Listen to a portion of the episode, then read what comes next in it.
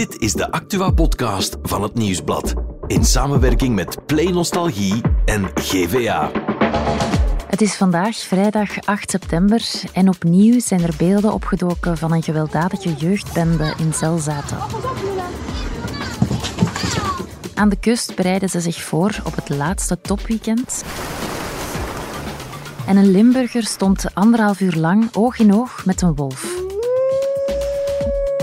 Maar dat is voor straks. Eerst hebben we het over voetballer Romelu Lukaku. We zien hem zaterdag weer in actie bij de Rode Duivels. Maar is hij na al het gedoe rond hem deze zomer nog wel de topspits van weleer? Ik ben Serafin Smits. Welkom bij The Insider. We vragen het aan Jurgen Geril, voetbalreporter bij het Nieuwsblad. Dag Jurgen. Hey, dag Serafin. Jij bent voetbalreporter, maar vooral ook Anderlecht-watcher. En je hebt Lukaku groot zien worden daar bij Anderlecht, want je volgt hem al lang, hè? Ja, ik ken hem al heel lang. Ik heb ooit het eerste interview met hem gedaan toen hij nog 15 jaar was. Mhm. Ik eh, heb hem zien debuteren bij Anderlecht. Ik ben met hem meegegaan naar Chelsea toen dat hij daar tekende, eh, bij het grote Chelsea. Dus ja, ik heb hem al eh, leren kennen doorheen de jaren, ja. Oké, maar dus nu zaterdag spelen de Rode Duivels tegen Azerbeidzjan.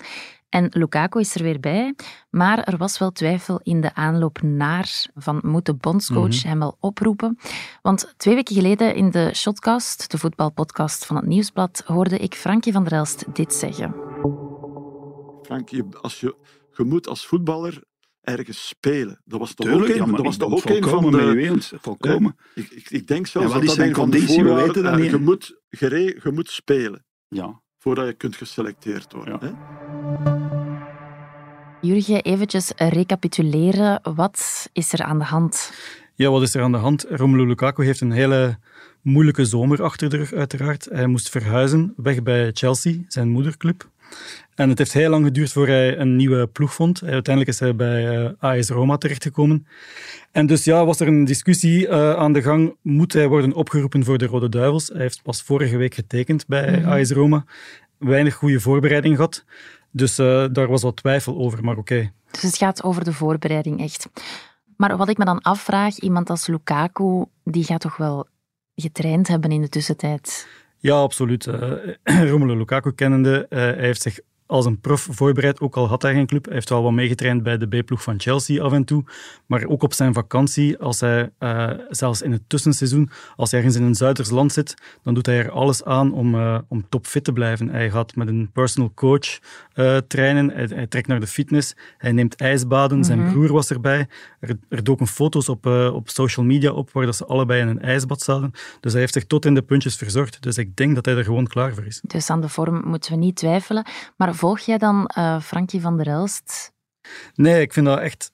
Sorry Frankie, maar ik vind dat echt een non-discussie. Eh, Romelu Lukaku niet oproepen voor de Rode Duivels, dat is geen issue. Eh, want zelfs op een half been of op één been zou ik Mhm. hem oproepen. Het is Romelu Lukaku. Het is onze topschutter. Hij heeft eh, 75 goals gemaakt in 115 interlands. Dus dat leidt geen twijfel dat hij er, dat hij er moet bij zijn. Er was ook een discussie in juni over het kapiteinschandaal met Thibaut Courtois. U weet al, ja, eh Thibaut die het aftrapte Ja. bij de Rode Duivels omdat hij geen kapitein mocht zijn. Romelu is een kapitein geweest in Estland en heeft die ploeg ook echt op sleeptouw genomen. Hij heeft die jongens er eh, bij de hand gepakt. Jonge gasten als, als Bakayoko, als Jeremy Doku, die trekken zich op aan een figuur als, als Romelu Lukaku. Dus hij is echt wel de kapstok waar dat de Rode Duivels zich gaan kunnen ophangen. En dat Mhm. is heel belangrijk. Deze zomer heb je een stuk geschreven over de tien vijanden van Lukaku. Dat zijn er veel, denk ik. Ja, dat zijn er wel. Waarom is, Het hadden er dat, nog meer kunnen zijn. waarom is dat zo'n omstreden figuur? Romelu is een, is een speciaal type. Eh, dat heeft hij zijn hele carrière al gehad. Hij gebruikt de revanche eigenlijk als brandstof. Ja, Hij moet zich opladen om, om tegen iets te vechten en dan wordt hij beter. Dat heeft hij al zijn hele carrière, eh, sleept hij dat eigenlijk mee. En dat is al van jongs af aan, hè, toen dat hij klein was en racistisch bejegend werd, dan wou hij absoluut tonen hoe goed dat hij was. mhm. Dus is dat ook in zijn verdere carrière zo geweest. Altijd had hij wel iets om tegen te vechten. Als er iets niet goed ging, dan, dan streed hij daartegen en dan trok hij daar zich aan op. Eh, voorbeelden, hij heeft, ja, hij heeft ruzie gemaakt met de Belgische Ja. supporters die hem niet genoeg liefde gaven op een bepaald Mhm. moment, zeiden.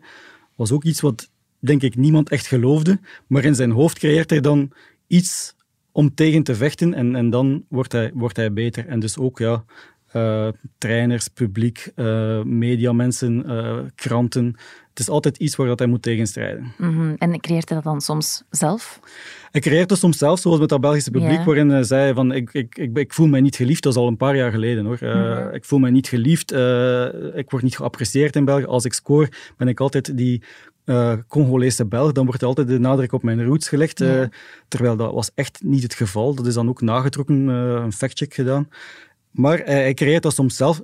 Anderzijds is het ook wel zo dat, hij, ja, dat het soms gewoon ook niet klikte met, uh, met trainers uh, waar dat hij dan tegen moest vechten. Of nu ook in het huidige dossier met zijn transfer, met de Gazzetta dello Sport bijvoorbeeld, die hem ook zeer hard aangepakt heeft in hele transfersoop. Mm -hmm. Daarom willen ze echt keihard bewijzen nu bij AS Roma en ook bij de Rode Duivels, denk ik. Mm -hmm. De laatste vijand, schrijf je, dat is hijzelf. Wat bedoel je daar juist mee? Ja, het, is, heeft natuurlijk te maken met imago. Als je constant strijdt tegen iets en je hebt altijd iets uh, om, om tegen te vechten op den duur, ja, wordt dat een beetje een, uh, een parodie. Ja. Um, en dat is een beetje het probleem. Ook ja, deze zomer was het echt een hele soap, zijn transfer. Uh, mm -hmm. Hij ging eerst bij Inter blijven, maar die boden dan niet genoeg geld. Dan uh, kwam Juventus op de proppen, maar dat was een probleem.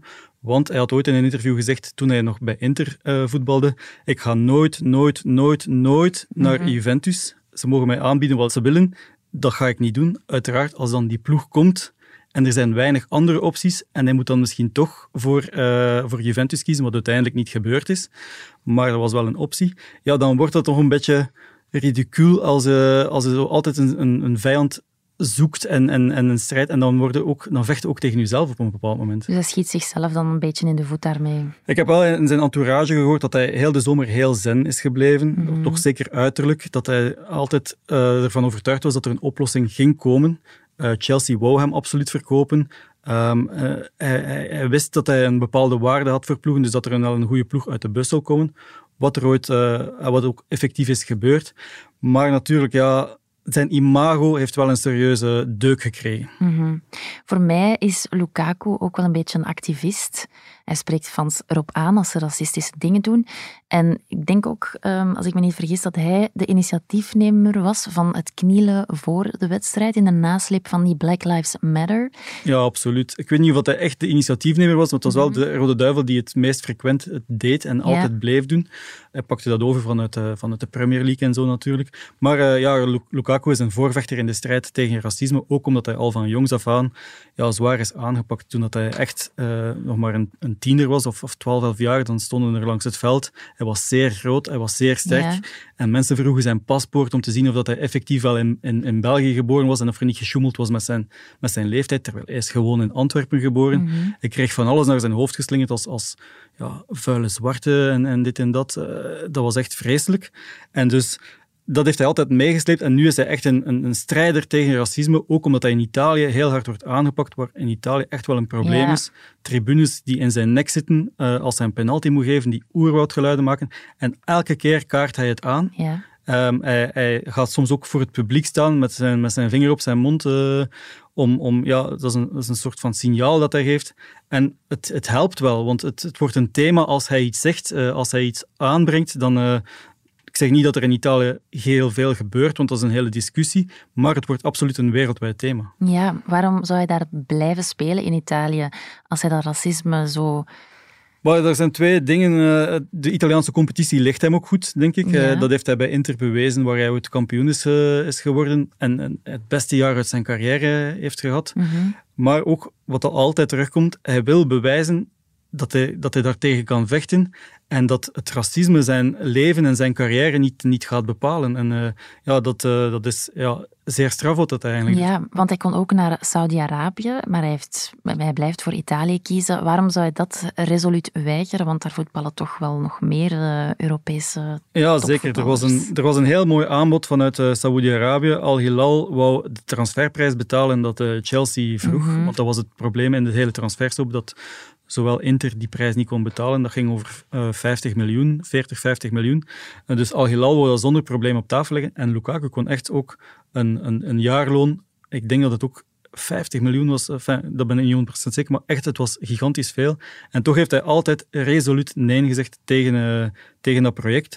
Gewoon omdat hij, ja, hij is nog maar 30 jaar en als hij in Saoedi-Arabië gaat voetballen, oké, er komen grote namen uh, naar Saoedi-Arabië. Benzema speelt daar, Ronaldo speelt daar. Mhm. Dus die competitie is aan het evolueren, maar het blijft Saoedi-Arabië. Het niveau is daar nog niet top-top.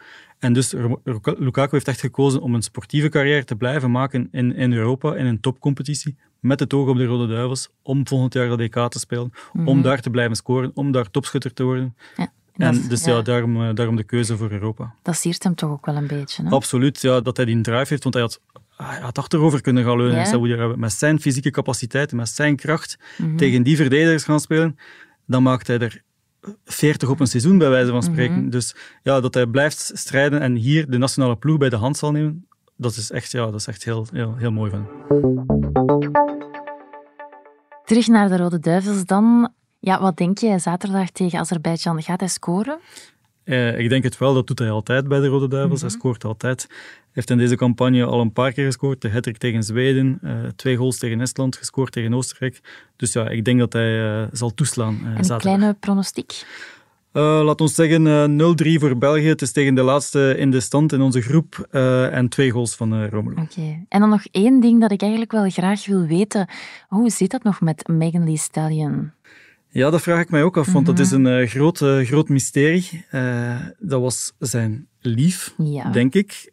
Want ook dat heeft hij denk ik nooit bevestigd, Nee. maar ze liepen toch hand in hand op Mhm. het huwelijk van een ploegmaat in, in juni of in, in, in het, in het voorjaar. Eh, maar sindsdien is daar eh, echt niks meer van eh, vernomen. Zij had ook een liedje over hem gemaakt waarin dat hij voorkwam. Dus het leek wel alsof, alsof ze een relatie hadden, maar Romelu is iemand die zijn privéleven helemaal uit de picture houdt en daar absoluut geen Ja. aandacht aan wil besteden. Dus dat is een groot mysterie. Want hij heeft ook twee kinderen. Ja, dat is nog zoiets Ja. bizar. Oké, dat hij twee kinderen heeft, is Ja. niet bizar. dat is heel normaal. Maar eh, ja, hoe dat niet uitlekt dat hij die kinderen had, Ja, of toch lange tijd nu? onder de radar is gebleven. Ehm, hij had een zoontje, Romeo, dat is bekend. Mhm. Maar onlangs gaf hij dan een interview in het kader van een documentaire rond de nationale ploeg. En dan bleek opeens dat hij nog een, eh, een kindje had. Een eh, veel jonger kindje. Iedereen viel letterlijk uit de lucht. Mhm. Maar eh, ja, dat, dat was er dan opeens. En eh, ja, dat is typisch Romelu. eh, Hij hij- weet ook niet wie eh, de moeder van het kind is. Nee, dat weten we niet. Dat houdt hij ook eh, absoluut uit de, uit de picture. Maar hoe Eh, kan dat nog in deze tijden van social media en... en Ja, nu, nu begint het wel. Nu komen er wel steeds meer beelden eh, met zijn zoontje Romeo. ja. Ehm, hij, eh, het gezicht zet hij bijna nooit wel ehm, op social media, dat schermt hij af, maar wel af en toe met zijn rug naar de camera, dan, dan plaatst hij een foto. Onlangs was hij bijvoorbeeld ook op een eh, toernooi in, in Boom. Mhm. Eh, want blijkbaar speelt zijn zoontje, Romeo, die nu een, een jaar of vijf, zes zal zijn, denk ik. eh, blijkbaar speelt hij bij de jeugd van Anderlecht en doet hij dan af en toe een matchje mee. En het was zijn eerste toernooi en dan was Romelu wel, wel ter plaatse om te, om te kijken. Maar hij woont wel in Italië. Ja, uiteraard, want hij speelt bij AS Roma, dus hij moet daar Oké. verblijven. Tot vorig jaar woonde hij in Milaan. Ik ben nooit eh, aan zijn appartement daar gepasseerd. Zeer luxueus complex, Mhm. waar ook zijn moeder eh, verbleef, die dan ook af en toe voor zijn, eh Romolo, zijn moeder, voor, voor zijn kinderen, of kind toen nog, dat we, zorgde. Maar ik veronderstel dat hij nu zal verhuizen naar, naar Rome en, en daar een verblijf zal zoeken. En ja, zijn moeder die heeft ook hier nog een huis. Hij zelf zal hier ook wel woningen hebben.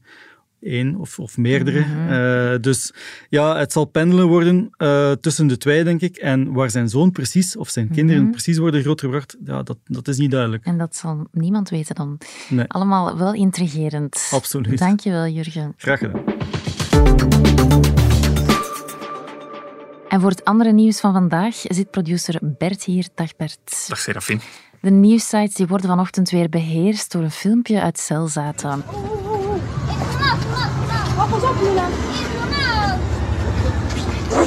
Ja, ja, het vierde al eigenlijk. Eh, herinner je, er was een aantal eh, weken geleden was er heel veel heisa rond filmpjes waarbij jongeren ehm, ja, andere leeftijdsgenoten in elkaar slaan, tieners nog, in zeil zaten. Dat was een jeugdbende. Nu is het weer van dat. Dit is een nieuw filmpje waar echt weer je haar van gaat rechtstaan. Dat teert al echt van donderdag.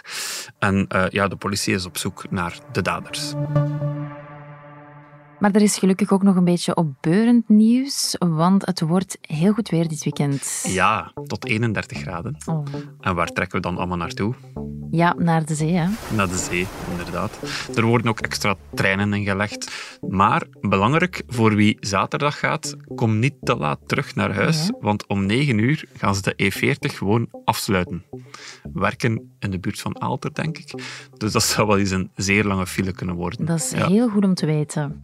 Is er nog nieuws uit de regio dan? Ja, de sites worden beheerst door echt fantastische beelden van eh, een jonge wolf in Limburg. Ze komen van een bioloog, van Frederik Toelen. Ehm, en die had zich in een maisveld verstopt onder een camouflagenet, eh, s- ochtends vroeg. En hij zat tegen de wind in, waardoor dat de, de wolven, of zeker die ene wolf, hem niet direct opmerkte. En hij heeft daar anderhalf uur gezeten, in een veld, onder een net. En het zijn echt fantastische beelden, waarbij dat die wolf tot op drie meter van hem komt. Ik laat het hem even zelf uitleggen. Gewapend met een camouflagenet, mijn camera, een beetje geduld en wat informatie van welke wolf heb ik mij deze week op een heel vroege ochtend verstopt in de buurt van een maisakker vlakbij een zogenaamde rendezvous-site. En een rendezvous-site is een plek waar dat jonge wolven blijven wachten terwijl de ouders, in dit geval alleen Noella, op zoek zijn naar voedsel. Dus zeker checken, eh Serafin. By the way, er is ook een wolventaart te koop in Limburg sinds deze week. Oké. Ja. Eh, wolventaart, wat moet ik me daarbij voorstellen? Ja, het is niet gemaakt van wolven, uiteraard. Eh, zij is bedacht door bakker Etienne, de man die ook in 1977 de smurfentaart Oh, uitvond. Ja. En daar zitten een beetje ja, v- peer, kers, pruim, appel zit er allemaal in. Het is vooral goede marketing, denk ik. Dankjewel Bert. Maandag zijn we er opnieuw met een nieuwe Insider.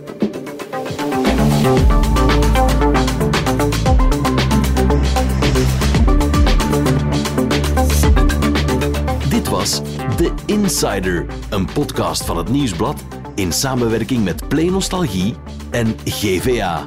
De muziek is van Pieter Santens. De montage gebeurde door House of Media. Wil je reageren? Mail naar podcast.nieuwsblad.be.